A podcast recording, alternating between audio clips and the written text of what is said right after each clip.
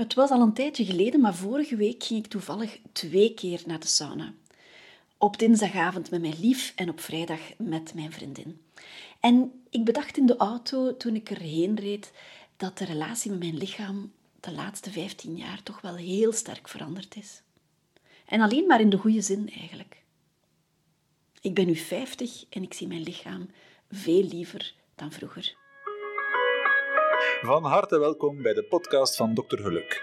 Een podcastreeks waarbij je weer een stapje dichter komt bij je allerbeste leven.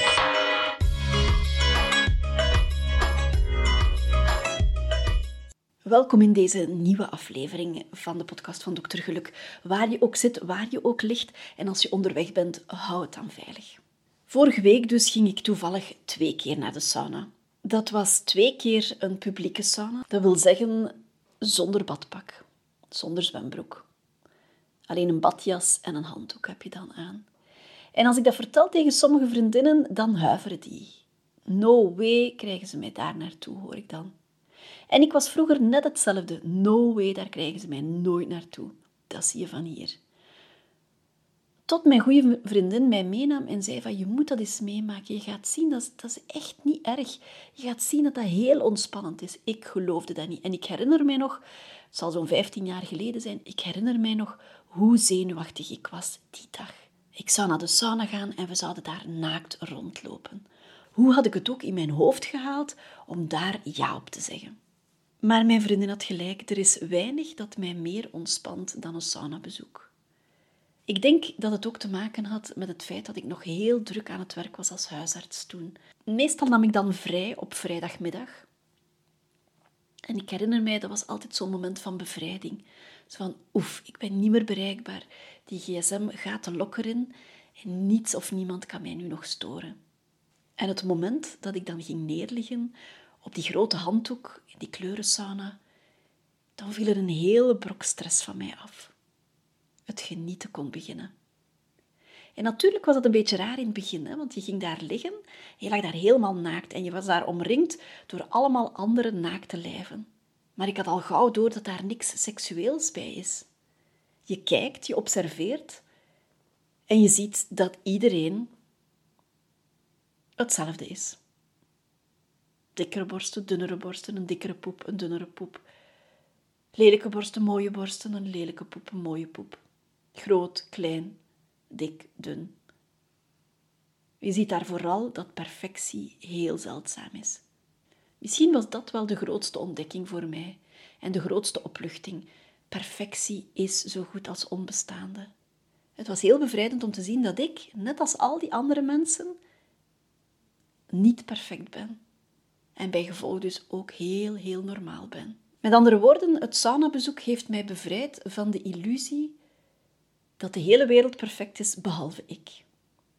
Ik overdrijf nu, maar daar kwam het in grote lijnen op neer. Het was ook een ontdekking om te zien hoeveel mensen er tatoeages hebben. Ik heb er geen enkele, maar ik zag er daar wel heel veel. En eigenlijk is het toch wel heel vreemd. Hè? Er is niks zo natuurlijk als naakt rondlopen. En toch vinden we dat heel raar om in een sauna naakt rond te lopen. Nochtans is het verschil niet zo groot als je in bikini of in zwembroek op het strand loopt. En toch zit daar zoveel schaamte op om naakt rond te lopen. Nu, ik moet toegeven, ik dacht dat daar veel meer zou gegluurd of gestaard worden in de sauna. En ik dacht van, uh, dat gaat zo'n een, een, seksuele connotatie hebben. Hè? Maar het is heel zelden dat ik mij ongemakkelijk voel onder de blik van iemand anders in de sauna. Nu, sinds ik dat zelf ervaren heb, raad ik heel veel mensen aan om naar de sauna te gaan. En vooral, vooral de mensen die complexen hebben over hun lichaam. Die raad ik aan van ga eens. Ga naar de sauna en kijk daar rond jou en stel daar vast dat jij niet de enige bent die niet perfect is. Je gaat zien, het gaat je deugd doen. Je gaat zien, het gaat jou een veel beter gevoel geven. Nu, ik kan me voorstellen, als je je altijd goed in je vel gevoeld hebt, dat het verschil niet zo groot is als je naar de sauna gaat. Hè? Dat dat inzicht dat ik had, dat dat er helemaal niet is bij jou. Dat het maar normaal is om, om je goed te voelen, ook in die sauna. Maar voor mij was dat heel bijzonder. Nu, ik denk dat er bij ons thuis ook wel heel veel aandacht besteed werd aan uiterlijk. Ik heb een mama die heel fel op haar uiterlijk gesteld is. Hè. Ik herinner mij als kind op zondagavond, dan zat zij in de zetel. Uh, dat was dan van Pool tot Evenaar of Leven laten leven, van die hele saaie programma's als je klein bent.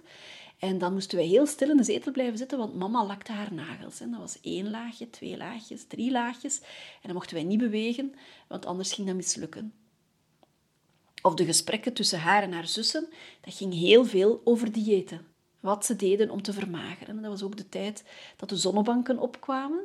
Ja, ze hadden ook elk hun eigen zonnebank. Als kindje in de lagere school knipte mijn mama mijn haar zelf.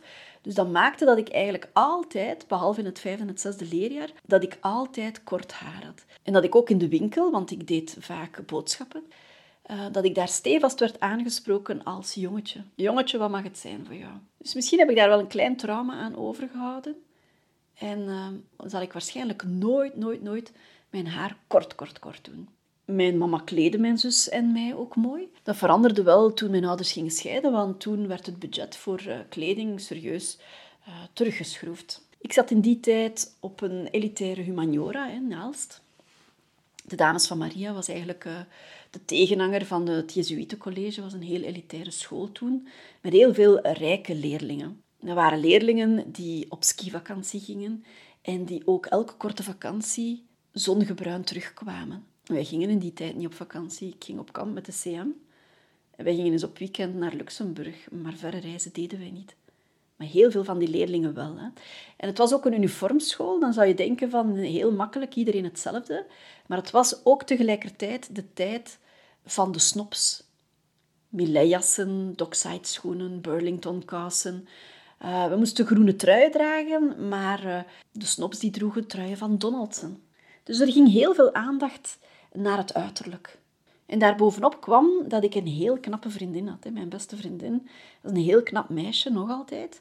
En ik was daar het zeutje bij. Ik droeg een brilletje, dus ik heb mij nooit echt knap gevoeld. Tja, en dan word je ouder, dan ga je naar de universiteit. En dan komen er wat vriendjes en dan krijg je toch wel wat meer zelfvertrouwen. Het was fijn om te experimenteren en om complimenten te krijgen over je naakte lichaam dan, hè, als je relatie hebt. Toch bleef ik complexen hebben over mijn neus, over mijn poep, over mijn ogen die ik te klein vond. Hè. Er waren zo'n aantal dingen waar ik niet zo tevreden mee was. Ik vond ook dat ik veel te klein was, maar ik heb dat ook, ik heb dat ook zo vaak gehoord bij mijn mama en bij mijn tantes. Uh, wij zijn klein, wij zijn klein. We zouden toch liever wat groter zijn. En dat bleef, ik heb dat heel vaak gehoord. Dus ik vond mezelf ook te klein. Nu, ik ben een meter 57, ik weeg 51 kilo. Dat is niet zo spectaculair abnormaal, maar toch, ik vond mezelf te klein. En dat was het moment daar om te trouwen en om aan kinderen te beginnen. En dat lukte niet. Acht jaar IVF, ik zie, vooraleer onze dochter er was. Nu kan je je voorstellen dat ik mijn lichaam toen heel, heel veel vervloekt heb.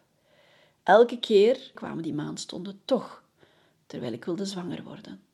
Of ik had een miskraam, of ik had een buitenbaarmoederlijke zwangerschap, of ik had weer een miskraam, of het lukte weer niet. Maand na maand na maand, jaar na jaar na jaar. Ik hoef je niet te vertellen dat ik op dat moment mijn lichaam niet graag zag. Mijn lichaam wilde niet doen wat ik wou.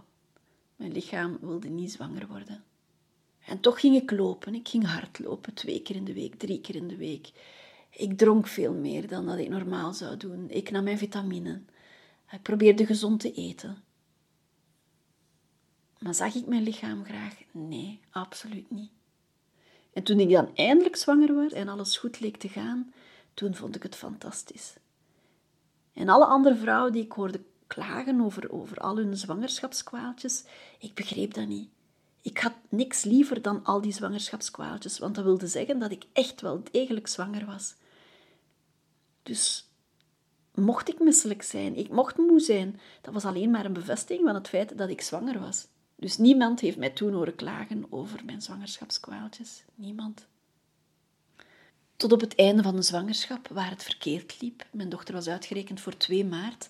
En de ochtend van oudjaarsavond had ik ineens plots bloedverlies. Je kan je de paniek natuurlijk wel voorstellen. Dus naar spoed bij de gynaecoloog. Die zegde mij dat ik moest gaan plat liggen. Dat was natuurlijk een ramp, want ik was huisarts. Wij waren met twee, mijn collega en ik. En ik zou twee maanden niet kunnen werken. Ik moest gewoon plat blijven. Het enige wat ik mocht doen, was naar het toilet gaan. Dat was alles. Uiteindelijk ben ik heel blij geweest met, met wat dan uiteindelijk maar uh, zes weken waren. Maar dat platliggen heeft mij zoveel deugd gedaan.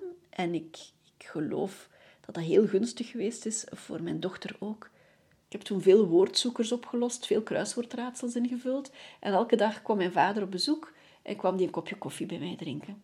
En ik kon week na week uitrusten tot de geboorte van mijn dochter.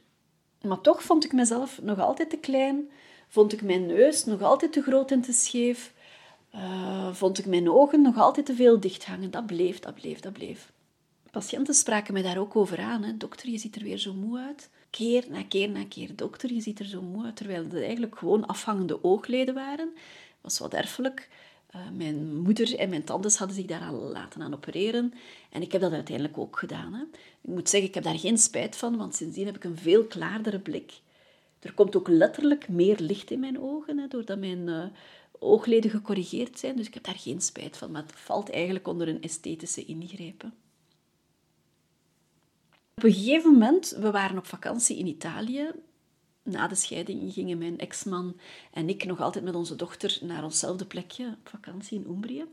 we waren op de Altiplano, dicht bij Norcia. Daar is een hele mooie vlakte vol bloemen. Een heel uitgestrekte bloemenweide met korenbloemen, met klaprozen. Dus we waren daar gaan picknicken, mijn ex-man, mijn dochter en ik. En we namen natuurlijk veel foto's daar, want het is daar heel mooi. En zoals elk jaar verjaar ik ook meestal in het buitenland. Dus ik was daar ook jarig. En mijn ex-man en mijn dochter zeiden van, je cadeau komt nog na de vakantie, nog even geduld en dan krijg je je geschenk. En inderdaad, na de vakantie ehm, werd ik door mijn dochter heel enthousiast binnengeroepen, want ik zou mijn cadeau in ontvangst mogen nemen. En dat was iets heel groot, hè. dat was bijna een...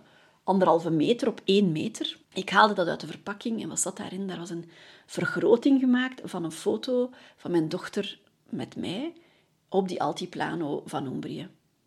En het eerste wat mij opviel, want we hadden veel foto's genomen daar, het eerste wat mij opviel was mijn neus. Ehm, ik was een beetje in profiel gefotografeerd, waardoor de bobbel op mijn neus zichtbaar was. En wat ik dan eigenlijk helemaal zelf niet flatterend vond. Dus in plaats van enthousiast te doen, was het eerste wat ik zei: Ah oh nee, dat is niet zo'n mooie foto van mij. En ik zag het gezicht van mijn dochter, die was toen 10 à 11 jaar. En in een flits zag ik hoe het enthousiaste, blije gezichtje van mijn dochter betrok. En ik schaamde mij tot in de toppen van mijn tenen. Omdat ik, in plaats van blij en enthousiast te zijn over die mooie foto, met mijn dochtertje die daar heel mooi lachte naar mij, dat ik alleen maar naar mijn neus kon kijken. Dat was zo'n keerpunt voor mij dat ik sindsdien nooit nog spijt gehad heb over mijn kromme neus. Ik kan dat ook zien op foto's. Ehm, ik ga me niet meer schamen om een foto in profiel uh, te laten gebruiken van mij. Waar ik vroeger altijd zei, nee, nee, langs voor, nee, nee, langs Waar ik vroeger altijd zei, nee, niet een profiel. Uh, frontaal, frontaal. Maakt het mij eigenlijk nu niet meer uit omdat ik toen besefte van ik wil een voorbeeld zijn voor haar en ik ga nu aan mijn tienjarige dochter laten zien dat mijn neus het allerbelangrijkste is en dat dat eigenlijk al de rest overschaduwt. Het feit dat ik dat cadeau krijg van haar, het feit dat we daar zo mooi op stonden tussen al die bloemen op die mooie vakantie. Ik schaamde mij zeer diep. Dus dat was een groot keerpunt voor mij. En kort nadien zag ik op Instagram een uh, foto passeren van een Pakistaanse vrouw, wiens man of wiens afgewezen minnaar, weet ik niet meer precies, haar aangevallen had met een zuur, met een bijtend zuur, waardoor heel haar neus was weggevreten. En ik dacht, ik heb een neus. Mijn aangezicht is niet geschonden. Ik heb een neus, daar zit geen gat. Daar zit alleen een scheve neus die niet perfect is, maar ik kan tenminste ruiken en ik heb een neus. Je zal mij nooit meer horen klagen over mijn neus sindsdien. Hetzelfde over mijn tanden. Ik, toen ik twaalf was, ben ik eens uit de bocht gevlogen met mijn fietsje. Toen ik heel snel uh, naar huis wilde fietsen, want anders zou ik te laat zijn en dan zou mijn mama boos geweest zijn. Ik ben toen op mijn voortanden gevallen. Eén tand is afgebroken. Die wortel was uh, grijs geworden. Je kent dat wel, zo'n donker verkleurde tand. En ik had dan wel een kroon, maar ik vond die kroon toch niet perfect. Die was te opaak en op foto's zag je dat die eigenlijk veel te dens was. Dus ik dacht, ik wil die corrigeren, ik wil een nieuwe kroon. Had ik dat maar niet gedaan, want deze kroon is nog veel minder gelukt dan de vorige, vind ik. Ik heb bij mezelf gezegd van, Saskia, dat is het nu echt het gevolg van jouw ijdelheid. Jij wilde het nog beter krijgen, het was niet goed genoeg. Voilà, hier zit je dan. Je had het maar moeten laten. Het is jouw ijdelheid die jou nu ehm, gestraft heeft. Zo heb ik het bekeken. En ik zie het wel op foto's en ik vind het niet zo fijn. Maar toch denk ik van, ik heb mijn eigen tanden nog. Ik ga niet meer ijdel zijn. De foto in Italië heeft mij een lesje geleerd. En ik ben nu eenmaal niet perfect. Het is heel makkelijk om het idee los te laten dat je perfect moet zijn. Want je bent nu eenmaal niet perfect. En ik ben verre van perfect. En door dat los te laten is er zo'n bevrijdend gevoel gekomen dat ik het helemaal niet meer erg vind. Oké, die neus is scheef. Die ene tand is wat grijzer dan die andere. Mijn benen zijn niet lang. Oké, dat is allemaal zo. En wat ik veel belangrijker vind nu de laatste jaren, dat is wat mijn lichaam voor mij kan doen. Is dat door ouder te worden? Is dat door meer te gaan mediteren? Is dat door meer met die dankbaarheid te gaan werken? Waarschijnlijk is alles wat samen, maar ik ben zo dankbaar dat mijn lichaam mij overal naartoe brengt, dat ik zelf kan eten, dat ik zelf kan zien, dat ik zelf kan horen. Ja, dat ik zelfstandig alles kan doen. Daar ben ik zo blij voor. Natuurlijk heb ik als huisarts heel veel gezien. Hè? Mensen die lichaamsdelen ontbraken, mensen die, waar organen uitvielen, mensen met een beperking, mensen die uh, hoorapparaten hadden of hoorimplantaten, mensen die helemaal niet konden horen, mensen met een visuele beperking. Ja, in de huisartsenpraktijk zie je, zie je zo wat alles. En elke keer dacht ik, oef, ben blij dat ik dat niet heb. Ik heb ook geen diabetes bijvoorbeeld. Ik heb veel mensen gezien die diabetes hadden. Die moesten kijken van, wat eet ik, hoeveel eet ik, wanneer moet ik mijn inspuitingen zetten. Dus als huisarts ben je heel bewust van alles wat er kan misgaan. En als huisarts ben je je dan ook heel erg bewust van hoe fijn het is om een intact lichaam te hebben. Een, een lichaam te hebben dat alles voor jou doet. Waar alle organen doen wat ze moeten doen. Waar alle zintuigen werken. En tegelijkertijd ben ik er mij van bewust dat het misschien niet zo zal blijven dan met ouder te worden, dat ik ook trager zal beginnen stappen, dat mijn heupen het ook gaan begeven of mijn knieën. Dat ik meer medicatie moet gaan nemen voor mijn hart. Dat kan allemaal, hè. maar des te meer ga ik er nu van genieten, nu het nog niet zo is, ga ik ervan genieten en ga ik kijken naar wat wel allemaal kan. Des te meer ga ik dankbaar zijn voor het lichaam dat mij nu nog zoveel te bieden heeft. En het is eigenlijk de combinatie van twee dingen. Hè? De dankbaarheid om het feit dat mijn lichaam functioneert en doet wat het moet doen. En anderzijds het besef ook door het werk als huisarts, door het werk als coach ook, dat schoonheid toch echt wel aan de binnenkant zit. Hè? Cliché, cliché. Maar ik heb in de loop van de jaren nu al zoveel mooie mensen gezien, objectief mooie mensen, waar iedereen naar omkijkt en waarvan dat je meteen denkt van wauw, die zijn zo mooi, die zijn objectief heel knap, toch zijn die van binnen heel ongelukkig. En die complimenten die komen totaal niet binnen, omdat die mensen een laag zelfbeeld blijven hebben, omdat die mensen zichzelf niet graag zien door wat er in het verleden gebeurd is, door wat er in opvoeding gezegd en gedaan werd. Afgelopen zomer uh, hadden wij een groepsvakantie gedaan. Uh, mijn lief ging parapanten en ik was meegegaan om te schrijven. Ik heb daar niet zoveel geschreven, maar het was wel een heel fijne vakantie. En er was daar een uh, Colombiaanse instructeur. En op het einde namen we afscheid en we stuurden nog een berichtje. En hij zei, ik wil jou bedanken voor je mooie energie. En ik vond dat nu zo'n mooi compliment. Ik denk dat daar niks tegenop kon. Hadden nu honderd mensen gezegd van, we vinden jou knap, dan nog had ik gekozen voor dat ene compliment van ik vond jou een hele mooie energie hebben. En als er iets is wat ik zou wensen, dat is dat ik diezelfde energie kan behouden met ouder worden. Dat mijn ogen blijven blinken, dat ik die energie kan blijven overbrengen op andere mensen. Als mijn dochter en ik een, uh, het hebben over een schattig oud vrouwtje, dan is dat niet omdat hij er perfect uitziet. Hè? Nee, dan gaat dat om die, om die lach van dat vrouwtje, om, om de schittering in haar ogen, om die gerimpelde handen die, die delen of die strelen. Daar gaat het om. En je leest dat vaak in interviews. Hè? Ik ben nu ouder geworden en ik ben hoe langer hoe meer tevreden met mijn lichaam. En ik heb dat vroeger ook gelezen, hè, die interviews, en ik dacht, ja, ja, het zal wel. Hoe kan je nu blij zijn als je ouder wordt en begint af te takelen? En toch kan ik het alleen maar bevestigen. Ik ben dit jaar 50 geworden, maar ik ben nu veel blijer, veel meer tevreden met mijn lichaam dan 10 jaar geleden, dan 20 jaar geleden. En als je nu naar foto's kijkt van jezelf, dan is dat toch heel vaak dat je denkt, maar hoe komt dat dat ik toen niet tevreden was met mijn lichaam. Want ondertussen zijn we tien jaar verder en zien we er wat minder fris uit, minder strak uit. En toch konden we daar toen precies niet van genieten. Dat is toch bizar? Als ik nu terugkijk naar foto's van in de humaniora, waarom was ik niet blij met mezelf?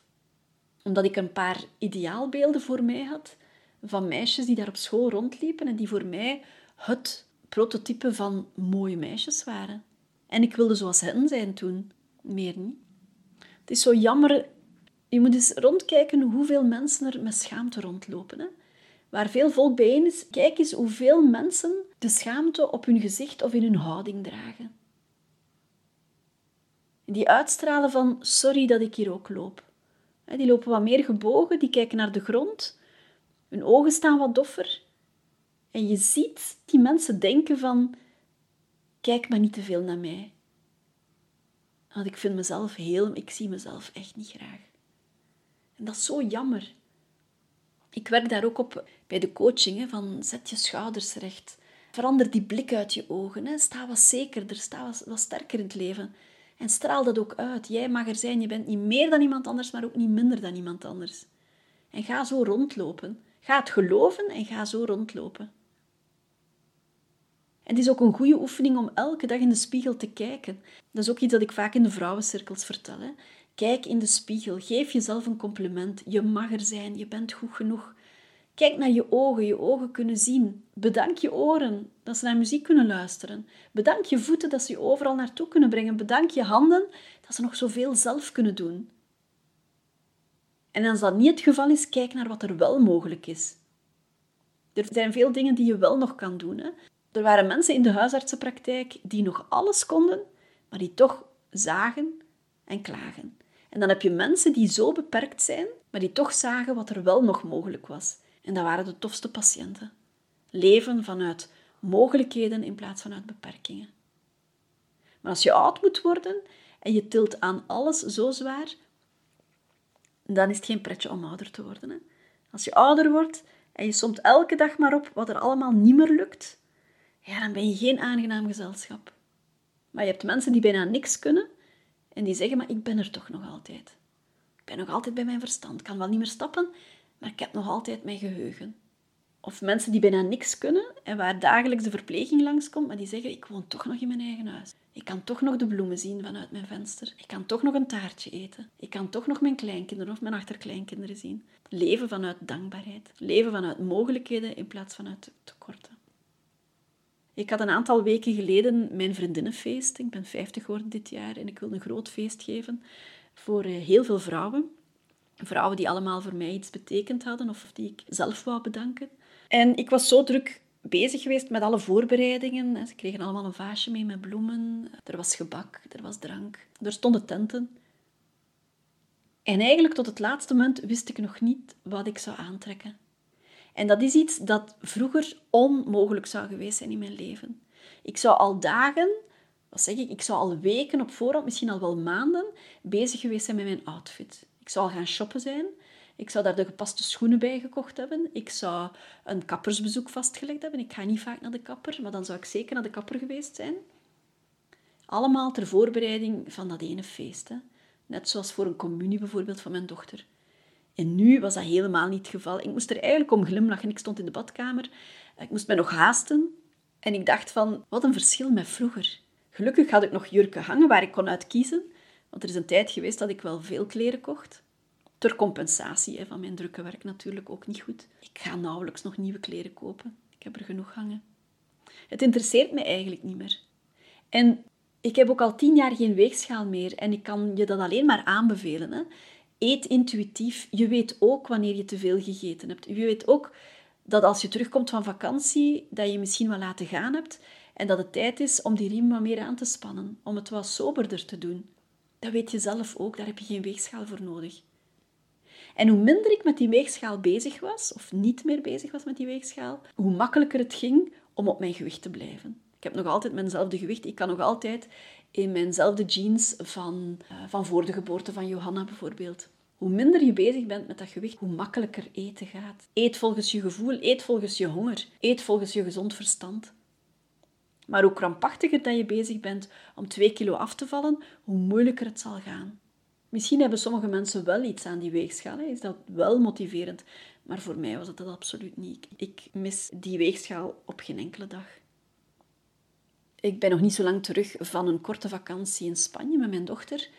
En we stonden voor de spiegel en ik gaf haar een compliment en ik zei, wauw, wat een mooi lichaam heb jij toch. En zij, dank je mama.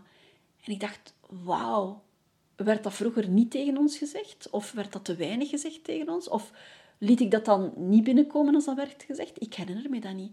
Maar ik kan me niet inbeelden dat ik op mijn vijftien voor de spiegel zou gestaan hebben en, en dat zou beaamd hebben van, wauw, ja, dankjewel. Ik vond het zo mooi dat mijn dochter dat compliment liet binnenkomen. En dan keek ik naar mijn eigen buik en dan zei ik, ja, jammer van mijn buikje, maar ik neem er de volle verantwoordelijkheid voor. Ik moet nu eenmaal terug wekelijks gaan zwemmen. Dit buikje heb ik en niemand anders veroorzaakt. In plaats van daarover te jammeren, dat ik toch wel wat makkelijker bijkom. Nee, ik ga gewoon niet meer zoveel sporten. En ik snoep.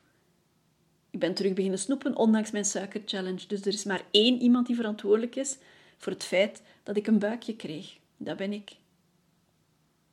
Ik vind het ook belangrijk dat mijn dochter dat weet. Dat alles in balans moet zijn. Als je meer eet, oké, dan moet je ook meer gaan sporten. Als de inname groter is dan het verbruik, ja, dan ga je bijkomen. Punt. Maar ik denk niet dat mijn dochter mij al bezig gehoord heeft over diëten. Ik heb dat als kind heel veel gehoord. En alle soorten diëten zijn de revue gepasseerd. Hè. Ik heb zelfs het Montignac-dieet gedaan. Als ik dat achteraf bedenk, ik was helemaal niet dik. En toch wou ik ook nog afvallen. Om mezelf te bewijzen, ik weet het niet.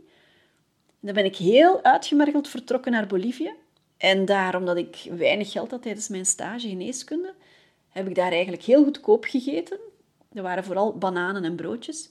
En was ik acht kilo dikker toen ik terugkwam. Als ik daar nu allemaal over denk, dan was ik zo erg bezig met mijn gewicht. En dat had gewoon een averechts effect. Dus, om nog eens samen te vatten, ik ben nu 50 jaar en ik ben heel blij met mijn lichaam. Ik laat de complimenten ook binnenkomen. Ik ga naar de sauna zonder gêne. In de wetenschap dat perfectie heel uitzonderlijk is. En dat ik net als iedereen perfectly imperfect ben. Had ik er liever anders uitgezien? Ja, misschien wel, maar dat heb ik achter mij gelaten. Dat is nu eenmaal niet zo en dat gaat ook niet meer veranderen. Die perfecte neus ga ik niet meer krijgen, die lange benen ga ik niet meer krijgen. Maar anderzijds ben ik zo blij met alles wat mijn lichaam voor mij doet, dat ik hoop dat ik dat nog heel lang kan blijven. En dat ik met ouder te worden ook altijd zal blijven kijken naar wat wel nog kan. En niet zozeer naar wat niet meer kan. En dat wens ik jou ook toe. Dus sta eens stil hoe jij je lijf ervaart. Hoe blij ben jij met je lichaam? Heb jij complexen? En hoe zou het zijn om die complexen achter jou te laten? Om vrijer te gaan leven, om veel sterker rechtop te staan en de wereld in te kijken van ik mag er ook zijn. En te kijken naar wat jouw lichaam allemaal voor jou doet. Zodat je in de spiegel kan kijken en heel blij bent met jezelf. Dat wens ik jou ook toe. Wie mij volgt op Instagram, die weet dat ik heel, heel regelmatig s'morgens een filmpje post van mensen die dansen. En dan zet ik erbij, dansen helpt. En dat is een waarheid als een koe. Ik doe dat elke ochtend in de badkamer, voor de spiegel. Ik dans, ik dans alsof niemand mij ziet. Ik dans als een vrij kind. Je moet maar eens kijken naar kindjes van vier, vijf jaar die dansen en die zijn niet bezig met hoe kom ik over, wat vinden anderen van mijn danspasjes. Ik ga mij wat inhouden, ik ga maar mij niet laten gaan. Nee, die dansen en die zijn blij als ze dansen. Wel, probeer dat ook eens. Begin s morgens je dag of pauzeer tussendoor, smiddags bijvoorbeeld, of als je wat moe bent, pauzeer en doe een dansje. Laat je gaan. Hè. Tijdens de retreat enkele weken geleden heb ik dat ook een paar keer gedaan met de groep. En dan zie je dat hier en daar dat er toch mensen zijn die niet durven dansen. Hè? Die gegeneerd zijn, die een soort schaamte over zich hebben en die denken van nee, ik ga mij hier niet laten gaan. Wat gaan ze van mij denken? En ik was ook zo, hè? tijdens mijn uh, cursussen, tijdens de workshops die ik gevolgd heb hè, voor mijn persoonlijke groei, toen durfde ik ook in het begin niet dansen. Ik stond daar als een stijve hark en ik dacht, oh nee, oh nee, waar ben ik aan begonnen? Zie mij hier staan, ik wil weg, ik wil weg, ik wil weg. Terwijl het nu zo fijn is om te dansen, om mij helemaal te laten gaan, om mijn armen te voelen, om mijn benen te voelen, om mijn, met mijn hoofd te schudden en helemaal los te gaan op die muziek. Dat geeft zoveel energie, dat maakt zoveel energie vrij en dat geeft zo'n goed gevoel. Want ja, ik zit in mijn lichaam dan. Ik zit in het hier en het nu. We hebben nu eenmaal een lijf aan dat hoofd. We kunnen wandelende hoofden zijn, we kunnen de hele dag lopen piekeren en denken en ons zorgen maken. Maar het is zalig om in je lijf te zitten, om te gaan wandelen, om die voeten te voelen schuifelen door de bladeren, om je voeten te voelen in het gras, om de wind te voelen langs je haren, om de zoute lucht te proeven als je aan zee wandelt. Helemaal in het hier en het nu, met al jouw zintuigen en met je lijf dus. Dus doe dat eens, doe die oefening eens. Ga s'morgens eens dansen. En als je gegeneerd bent voor je huisgenoten, doe het dan als je alleen bent, als iedereen weg is. Maar laat je helemaal gaan op die muziek en je gaat zien wat voor een bevrijdend gevoel dat geeft en hoe ontspannen je bent nadien. En nog een tip, ga voor de spiegel staan en ga elk stuk van je lichaam bekijken. En kijk wat dat lichaam voor jou doet. Begin bij je hoofd, begin bij je ogen, ga naar je neus, ga naar je mond, trek je schouders op. Kijk wat je armen voor jou doen, wat je benen voor jou doen. Voel die buik. Die buik waar je mee kan eten, waar je alles kan voelen. Voel waar je seksuele energie zit. Ga jezelf bekijken, ga jezelf aanraken, ga jezelf strelen en voel hoe blij dat je kan zijn met jouw lijf. En wat ik nu zeg kan misschien heel raar overkomen, dan moet je dat in kleine stapjes doen. Ga eerst gewoon kijken. En nadien kan je jezelf beetje bij beetje aanraken. Maar hoe fijn zou het voor jou zijn als je wel met het licht aan kan vrijen, als je wel kan genieten van elke aanraking en niet gaat verstijven als je partner je wil kussen of je wil strelen. Hoe fijn zou het zijn als je wel met het licht aan kan vrijen en hoe fijn zou het zijn als jij je wel volop kan laten gaan tijdens het vrijen. Als je niet verstijft als je partner dichterbij komt om jou te kussen of om jou te strelen. Kom in jouw lichaam, kom thuis in jouw lichaam. Je lichaam is van jou, van niemand anders. Je draagt het heel je leven met je mee. Je gaat ermee ouder worden. Als je het nog niet graag ziet, begin er dan nu mee. Begin het graag te zien, stap voor stap. Voor de spiegel. Kijk wat jouw lichaam voor jou doet. En als jij jezelf graag ziet, als jij jouw lichaam graag ziet, dan ga je ook kunnen geloven dat iemand anders jou graag ziet. Dat iemand anders jouw lichaam mooi vindt. En het maakt niet uit hoeveel kilo jij te veel of te weinig weegt. Het maakt niet uit dat je niet perfect bent. Die ander is dat ook niet. Maar leer genieten van je eigen lichaam. Sport, ga dansen, ga bewegen. Kom in dat lichaam thuis. En als het jou niet lukt, weet dat je daarvoor in therapie kan gaan, dat je daarvoor in coaching kan komen. Het zou zo zonde zijn om oud te worden en afgesneden te blijven van je lichaam. Dat je in dat hoofd blijft zitten dat je blijft zorgen maken, dat je blijft zitten met die complexen, terwijl dat het zo fijn is om tegelijkertijd in je hoofd en in je lichaam te zitten. En het meest ontspannende is om alleen in je lichaam te zitten en uit je hoofd te komen. Dat merk je als je volledig in de flow zit. Dus doe dat dansje, ga bewegen, ga wandelen, kom buiten. Ik blijf het posten, ik blijf het op Instagram zetten, ik blijf het op Facebook zetten. Kom uit je hoofd, kom in je lichaam. Je bent geen wandelend hoofd, je bent een mens van vlees en bloed. Doe maar eens deze oefening. Als ik vraag om naar jezelf te wijzen, hè, wijs met je vinger naar jezelf. Waar ga je naar wijzen? Ga je naar je hoofd wijzen of ga je naar je hart wijzen? Je hart, dat ben jij. Ik wens het jou zo toe dat je fier bent op je lichaam, dat je blij bent met je lichaam, dat je dankbaar bent voor alles wat jouw lichaam voor jou kan doen. En dan maakt niet uit hoeveel sproetjes, hoeveel vlekjes, hoeveel rimpels er zijn. Het maakt niet uit wat te kort of te lang is of te klein of te groot. Het is jouw lichaam. Het maakt wie jij bent. En als jij jezelf graag ziet, dan kan je ook geloven dat iemand anders jou graag ziet. Om wie jij bent. Die ander is ook niet perfect.